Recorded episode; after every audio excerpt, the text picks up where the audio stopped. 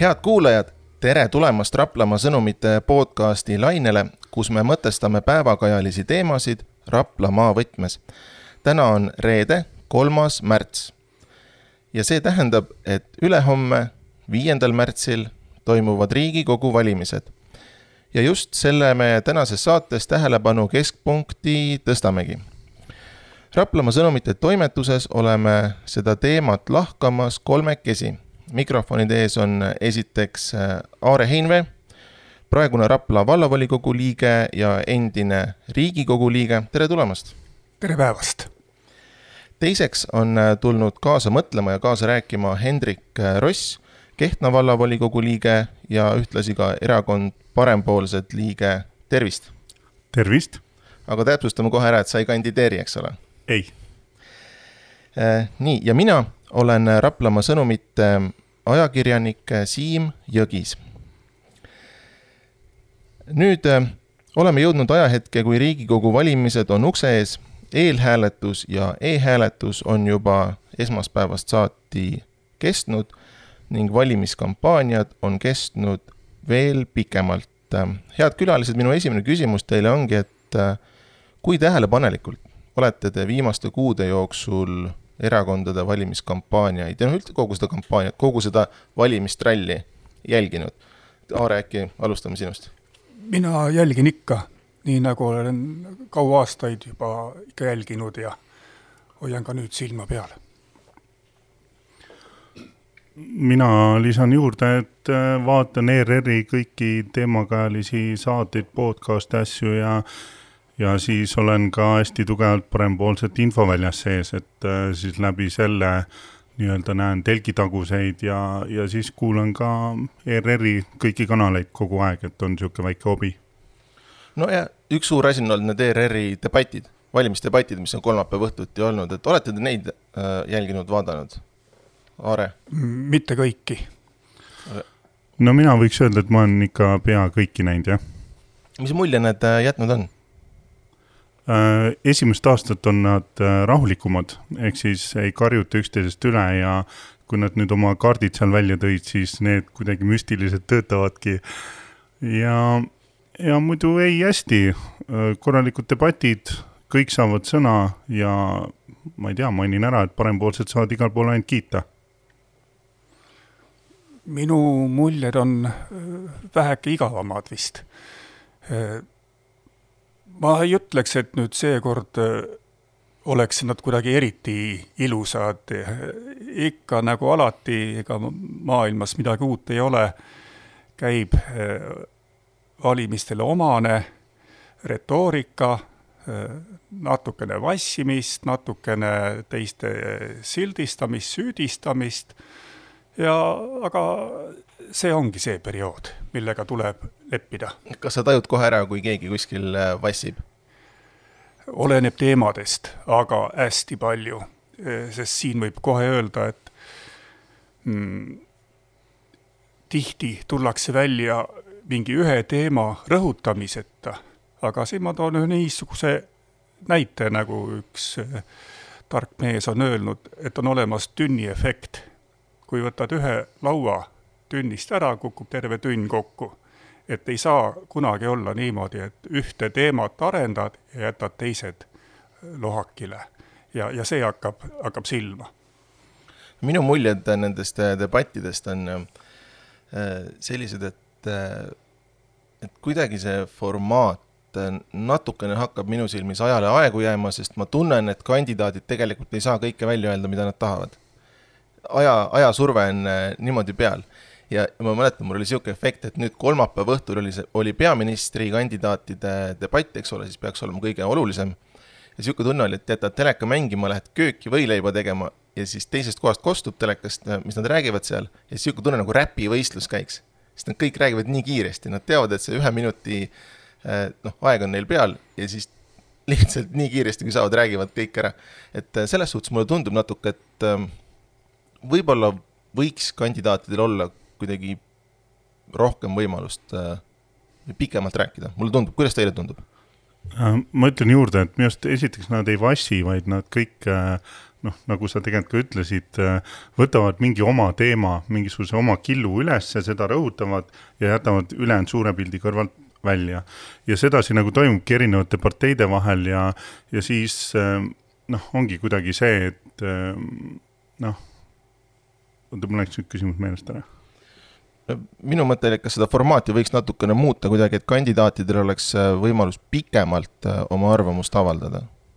No ma ei tea, ei noh, seal peab olema ka hästi jäik ja peab olema hästi konkreetne, sest äh, mina just tahtsingi tegelikult seda öelda, et eelmistel aastatel on ikkagi sihuke hirmus üle, ülerääkimine, karjumine läheb sihukeseks debatikultuur nagu kaob ära.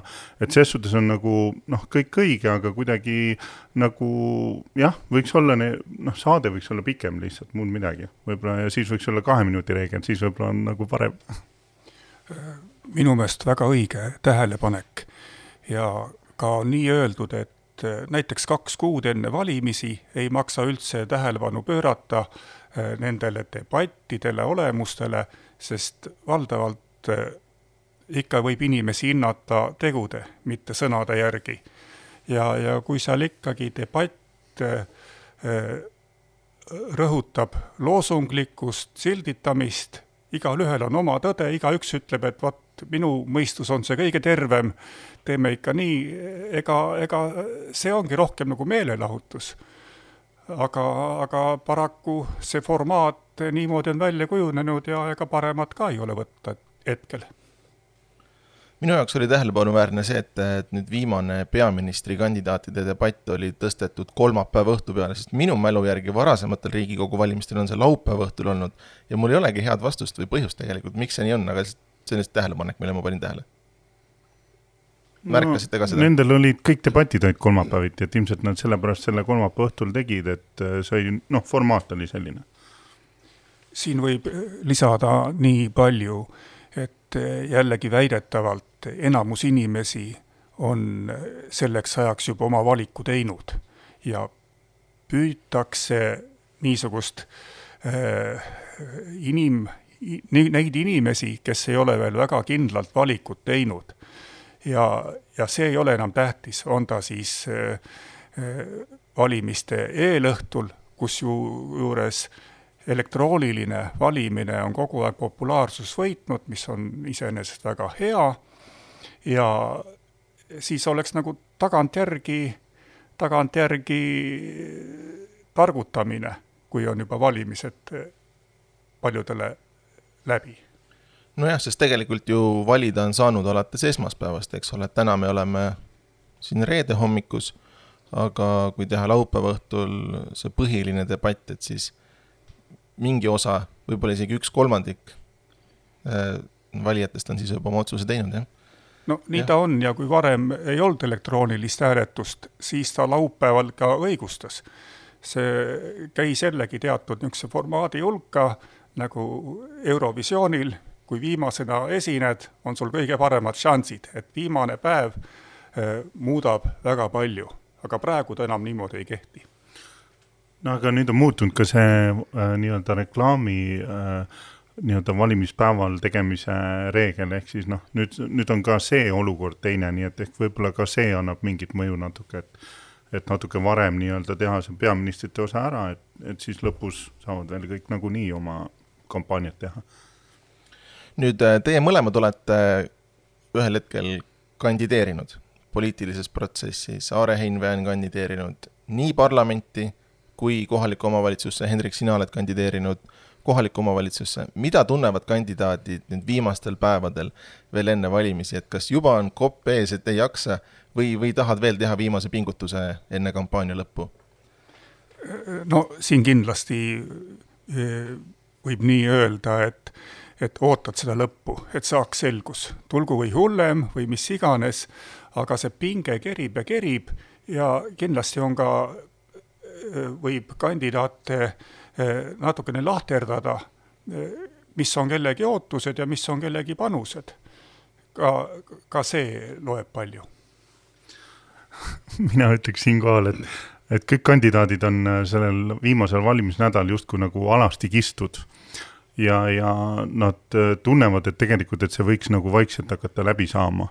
ja samas jällegi äh, saadakse aru, see on justkui nagu sport, et viimased päevad on aega veel oma pingutust teha, ehk siis äh, ma tunnen hetkel ka oma sõpruskonnale natuke kaasa, et ma siin ikkagi küll mitte kandideerides iga päev äh, jagan parempoolsete teemasid ja, ja nii-öelda üritan neid hoida pildis, aga noh, ongi kõik selle viienda märtsi nimel ja, ja, ja nii oli ka muidu varasemalt kandideerides, et see kuni viimase päevani oli justkui see viimane pingutus ja, ja siis ja samas nagu ootasid, et see kõik läbi saaks. Võib-olla siin ongi hea küsida, Hendrik, sinu käest parempoolsete erakonna siis võimaluste või šansside kohta, et kuidas sellega on, et kas te olete leppinud, et seekord äh, parlamenti ei pääse või, või ikkagi veel lootus äh, elab? Äh, üldse ei ole leppinud, oleme väga lootusrikkad, natuke tajume seda, et nendel valimistel ongi ka see, millest on täna hästi palju ajakirjanduses juttu, et et meie need erinevad statistikad on äh, tänasel päeval nii mööda, et äh, ühes statistikas on EKRE esimene, teises statistikas on ta teine, täna on neli statistikat välja tulnud ja kolmandas on ta neljas. ja, ja, ja siis ongi nii, et äh, debattides ka justkui nagu ma tajun, kui oli ennem juttu nendest ERR-i debattidest, et et justkui sel aastal minu tundmus on see, et ajakirjanikud kuidagi nagu võtavad neid äh, statistikaid nagu veel tugevamalt. ja, ja kui Andres Kuus küsib saates, et, äh, et ma isegi ei küsi, et kas te äh, kahetsete või kui palju te kahetsete, ehk siis justkui pannakse debatis paika, et nad kindlasti ei saa, siis see tegelikult natuke tõmbab moti maha ja, ja nagu on nagu natuke nagu raske. aga parempoolsed nagu äh, teevad tohutut tööd äh, vähemasti seal siseringis ja, ja sealt natuke väljas siis ollakse ikkagi väga nähtavad ja see meeskond ja see on nagu täitsa, ma ei tea, omaette auhinda väärt, et, et äh, ma loodan ja usun, et ikkagi mitte ei saada see kaks protsenti, et saada riigieelarvelisele nii-öelda toetusele, vaid et saadakse sisse ja, ja nii-öelda mõistushääl ikkagi võiks, võiks Riigikogus kõlada. Need numbrid, mida mina olen näinud, jäävadki sinna kuskile kahe protsendi juurde, mis on äh, parempoolsete toetus. viimane on kolm ja kusjuures samal päeval tulid äh, välja kolm ja üks koma kuus, et noh, ongi jälle üks koma kuus tapab justkui kogu asja ära, sest pole mõtet, pole mõtet häält anda, kolm on jällegi täpselt nii palju, et noh, saavad sisse. no ja see siht, mida te jahite, on eks ole viis? Äh, siht, mida jahime, on viis hetkel jah, täielikult. Aare, kuidas sinule tundub, et kui nagu uus tulija ja ikkagi lühikest aega olnud poliitilisest niimoodi siis, kuidas ma ütlen, tähelepanu pildis või, et ähm, ja, ja, ja valimiseelsed uuringud ikkagi näitavad, et sinna kahe-kolme protsendi peale, et äh, on, on neil lootust? lootust on, aga, aga loomulikult ma võiksin iga erakonna kohta öelda oma arvamuse ja see ei tähenda, et see on absoluutne tõde. igalühel on oma tõde ja, ja nende üle ei peagi vaidlema. aga parempoolsete puhul tekkis mul teatud äratundmine küll ühe perioodiga ja see oli eelmise sajandi lõpp, kus valitses rohkem niisugune idealism, ei, ei süvenetud sellesse, et kuidas midagi teha, vaid et noh, vaja midagi teha.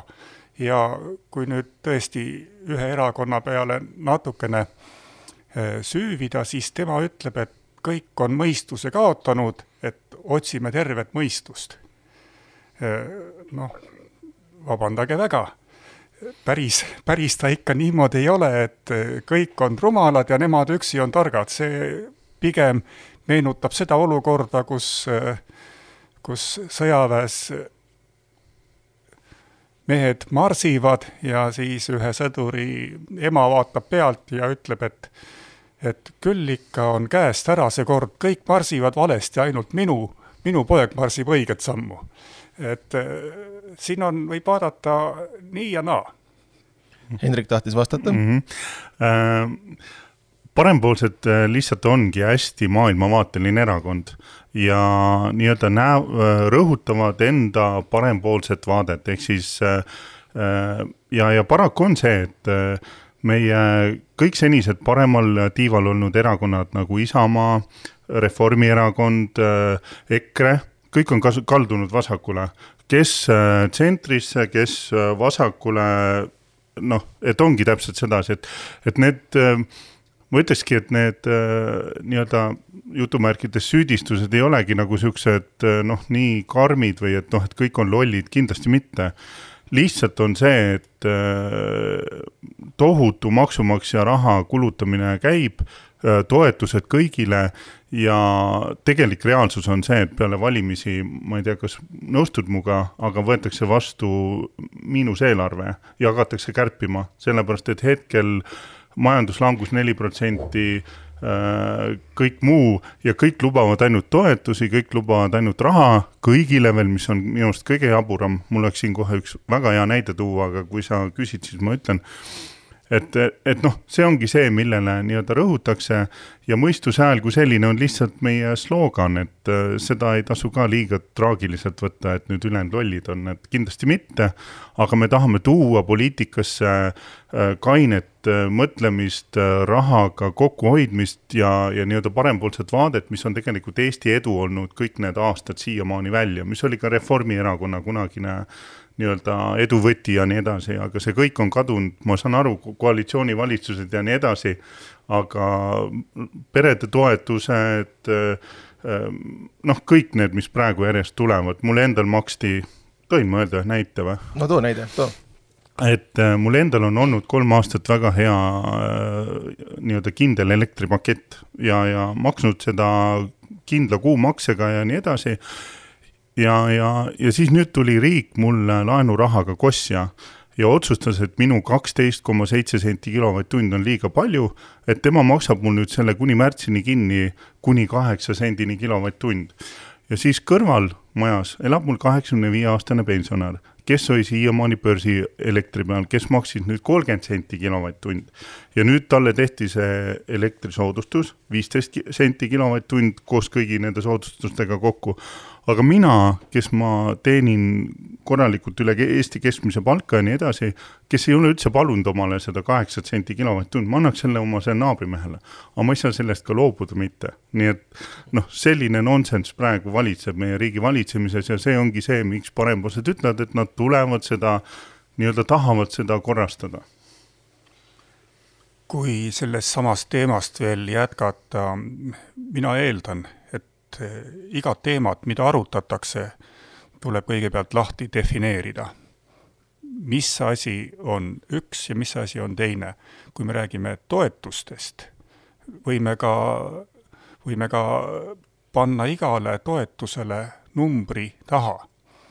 ja minu meelest sealt nüüd väga palju küll ei korja. Eh, on loomulikult möödaminekuid aga tagantjärgi tarkusena võib väga palju asju öelda. et äh, ma võib-olla, võib-olla nimetaksin ära nüüd selle äh, uue laste äh, toetuste seaduse, mis, mis mõnele ei meeldi, et mõnest kohast on ülepaisutatud, aga need teised toetused ei, ma ei, mina ei oska öelda, et oleks midagi ülepaisutatud, sest kui me võtame seda euroopalikku tausta, sellega võrreldes on Eesti oma sotsiaalprogrammidega, sotsiaaltoetustega kindlalt viimaste hulgas. aga ma lisaks juurde, et ka Eesti ei ole ka Äh, oma nii-öelda varude mõttes äh, Euroopas esimeste hulgas, et on ka samamoodi viimaste hulgas, nii et äh, tulebki endale otsa vaadata ja kulutada võimaluste järgi nii-öelda. aga lähme siit edasi, mul on järgmine küsimus. minu jaoks kohaliku ajakirjanikuna on oluline see, et parlamendis oleks esindatud ka keegi meie maakonnast. kuidas teiega on, et kuidas teie näete seda, et kas peaks tingimata olema, et äh, keegi kohalik inimene ka oleks äh, Toompeal olemas? ma arvan, et see on väga tähtis juba sellepärast, et, et see on hea eeskuju uutele inimestele, kasvulavaks nii-öelda, aga võib panna, panna siia niisuguse küsimärgi, et kõige rohkem on kasu sellest siis, kui nad teevad ka omavahel tõsist koostööd. ma lisaks juurde seda, et, et tegelikult ma olen ise arutlenud seda, kui me nüüd räägime üldiselt, et tegelikult iga kogukonna aktiivne inimene võiks osaleda poliitikas ja, ja näiteks kohalikul tasemel anda oma panuse sellesse volikogu töösse ja, ja sellesse kõigesse, et see on hästi oluline, et seal oleksid targad, et seal oleksid aktiivsed Äh, kogukonna muresid tundvad inimesed ja nii edasi. Äh, riiklikul tasemel samamoodi, ega mulle käidi väga palju peale, et ma kandideeriks. aga hetkel oma inseneritööga ma lihtsalt, äh, lihtsalt võtsin see aasta otsuse, et edaspidi ma kindlasti ei hüppa alt ja, ja lähen omadele tõenäoliselt järgmisel korral appi, aga, aga seekord võtsin otsuse, et ei kandideeri ja, ja hetkel nii-öelda hoiangi töölainel ennast rohkem Äh, ma võtsin ette kõikide erakondade nimekirjad, kes siin äh, neljandas valimisringkonnas äh, Harju ja Raplamaal kandideerivad ja kõikidel tegelikult on oma kohalikud inimesed olemas. või Raplamaa inimesed tähendab siis. Teil parempoolsetel samamoodi. Alar Mutli kandideerib, eks ole. just. ja, ja ma ei tea, kas ma võtsin, kirjutasin tegelikult üles ka endale need kõik, keda mina seostasin Rapla maakonnaga, ma arvan, ma ei hakka neid praegu siin ette lugema järjest. et küll aga alates parempoolsetest kuni rohelisteni välja, et äh, igal pool kandideerivad ka Raplamaa inimesed. Ja me oleme siin oma kolleegidega arutanud, et kas võiks toetada äh, oma, nii-öelda oma kandidaati siit maakonnast, et et minul ajakirjanikuna on, oleks äh, selle võrra töö lihtsam, et kui mul oleks noh, nii-öelda oma allikas äh, Toompeal olemas, kelle poole äh, igatepidi pöörduda, et selles mõttes, et minul oleks küll hea meel, kui keegi Rapla maakonnas sinna saab. ja praegu on seal olnud ju praegu ju on tegelikult, kui vaadata Isamaa fraktsioonis ja EKRE fraktsioonis samuti. ma võib-olla niimoodi seda kommenteeriks, et eh, mina olen eh, väga tänulik nendele inimestele, kes võtavad selle vaeva üldse eh, kandideerida siit Raplast.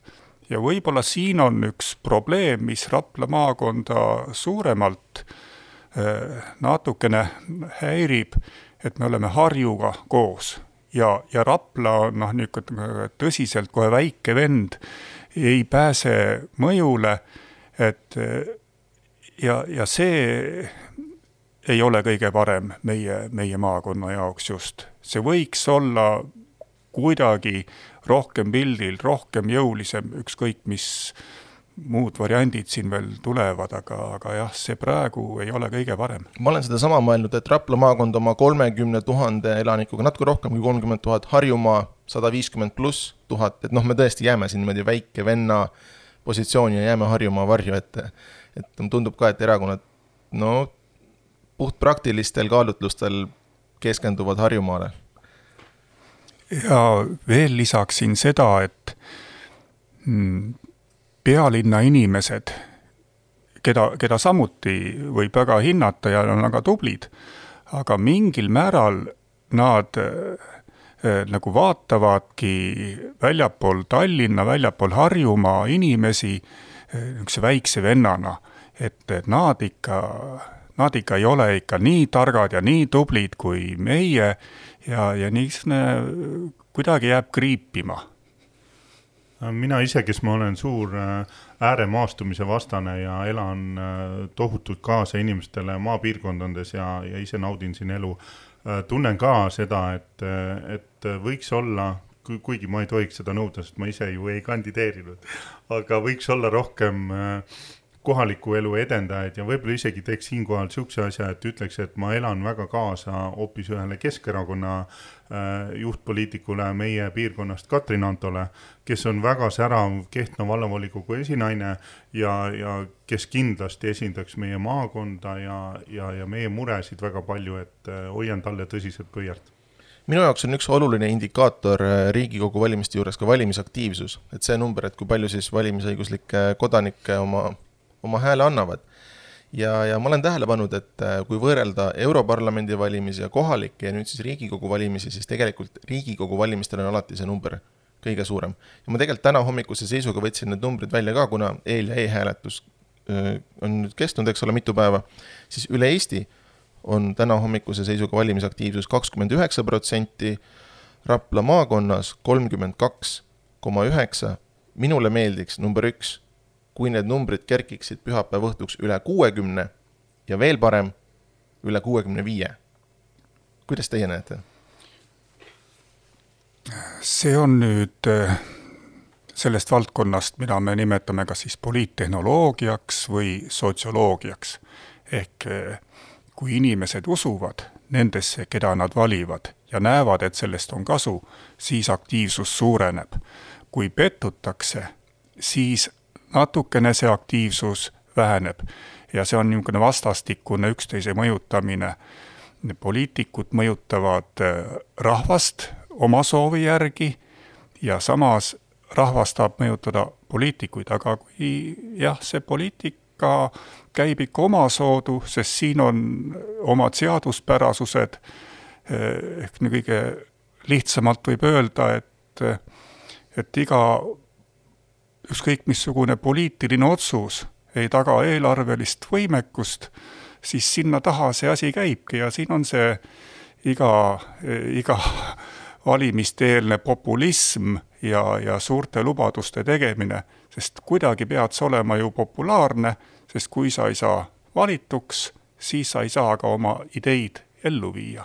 aga sellega on isegi harjutud, et teatakse, et see käibki niimoodi mm. -hmm. Ma lisaks juurde seda, et äh, tegelikult ma arvan, see populism ja, ja see sihuke ärapanemine poliitikas tegelikult ongi see, mis meie neid valimistulemusprotsente alla viivad ja, ja, ja, ja mis äh, sel aastal ma arvan, ennustan, mis veel nii-öelda seda üleüldist protsenti madalamaks viib, on see pettumus seal Ida-Virumaal. et see tank ja kõik ja need ja, ja ei ole enam nendel valitavaid ja tõenäoliselt juba läbi selle ühe maakonna kogu see protsent, noh, ta on niigi seal madal, aga et äh, ka, ka läbi selle see protsent väheneb, nii et ma ennustan kahjuks üht madalamat äh, valimisaktiivsust sel aastal no Ida-Virumaa on alati olnud üks madalamaid, eks ole, et nojah, ja kuna seal on nii palju inimesi, siis see mõjutab suurelt ka tervet Eestit. ma veel jah, täiendan seda teemat sellega, et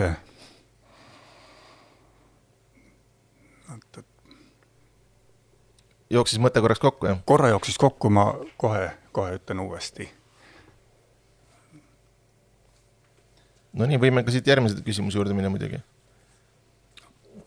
Ah, nüüd tuli meelde, et, et mikspärast populism on nii tugeva võimega äh, paari numbrisse, kui meie inimeste mediaanpalk on ikka suhteliselt väike, kas ta on kuskil seal seitsme või kaheksasaja euro kandis, ma täpselt ei tea, võib-olla natukene rohkem juba, äh, siis selle palgaga või selle sissetulekuga ongi väga raske ära elada.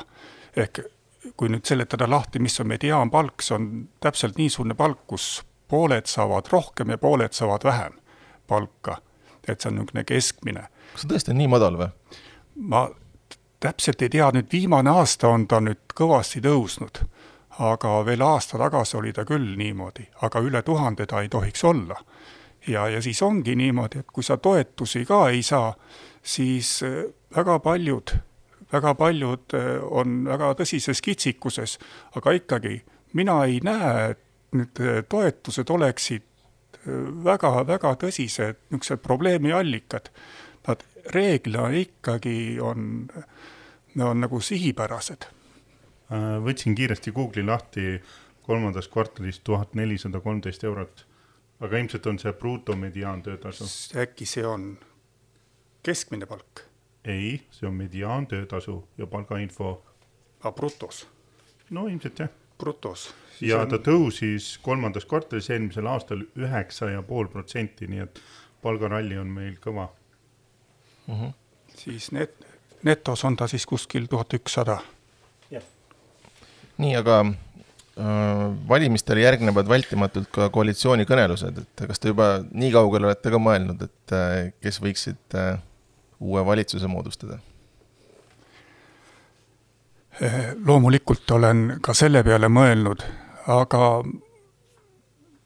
jälle suure pildina mina ei näe, et midagi väga oluliselt muutub. lihtsalt võivad muutuda persoonid, kord üks, kord teine tuleb asemele aga, aga see areng on ikkagi väga rangelt eh, paika pandud erinevate seadustega, et see, mida, mida Riigikoguga saab kohaliku elanikkonna jaoks muuta, on väga pisukene. Äh, ma lisaks juurde, et äh, noh, siin on nüüd mitu aspekti, esiteks Eestile minu arust, no minu silmis kõige turvalisem äh, oleks Reformierakonna, Keskerakonna kaksikliit. ja sinna juurde siis oleksid väga head, kui parempoolsed ka saaks. aga seal on ikka endiselt see Jüri Ratase ja Kaja Kallase konflikt kahjuks ja kui nüüd Jüri Ratas taandub, nagu ta on lubanud, kui ta ei äh, jää teisele kohale, noh, on niisugused mingid vihjed, ma ei tea, kui õige see on ja ega ta keerutab ka kogu aeg, ja sinna tuleb teine inimene ette, siis äh, võib täitsa tulla tugev liit ja, ja minnagi kõik väga hästi.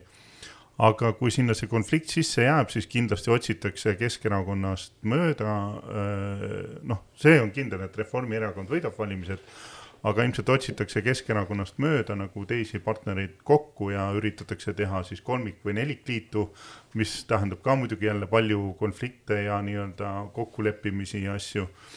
Aga, aga tõenäoliselt Reformierakond ja Keskerakond selle liidu ilmselt teevad, et see on niisugune olnud niisugune prognoos ja EKREIKE minu arust, kas praegu endiselt vist ei tule veel kokku no siin võib veel seda kommenteerida, et see on nagu klassikaline vastasseis alati otsitakse eh, nii-öelda võrdset partnerit, kellega, kellega ennast võrrelda ja kelle taustal ise tõusta. et ei hakata võrdlema erinevates kehakaaludes, noh piltlikult kehakaaludes eh, vastaseid, sest see ei too mitte midagi nii, me oleme nüüd siin julgelt poole tunni piiri ületanud, ma viimaks küsin teie käest, kas te olete oma hääle andnud või millal te seda teha plaanite? mina veel ei ole ja ma ei ole ka veel päris kindlalt otsustanud. Mina olen väga kindlalt juba otsustanud ja hääle andsin esmaspäeval, kui kell üheksa sai, siis kuskil kümne ajal. Ja just mõtlesingi, et proovin, et kas on kõik umbes ja kas üldse saab. sai väga hästi ja kõik töötas laitmatult. Mina olen enda puhul äh, välja kujundanud sellise harjumuse, et äh, ma lähen valima valimispäeva õhtul viimase siis kas kahe tunni või, või isegi ühe tunni jooksul, et siis ma lähen jaoskonda, seal on rahulik, vaikne, ma saan oma hääle ära anda ja siis on süda rahul. nii äh,, head kuulajad äh,, pühapäeval, viiendal märtsil toimuvad äh, Riigikogu valimised, paneme kindlasti teile südamele, et te oma häält targalt kasutaksite ja läheksite, annaksite, toetaksite sellist poliitilist jõudu, keda te tahaksite näha Eestis võimu juures. Raplamaa sõnumite podcasti saab ikka ja jätkuvalt kuulata veebilehel sõnumid.ee, samuti Spotify keskkonnas.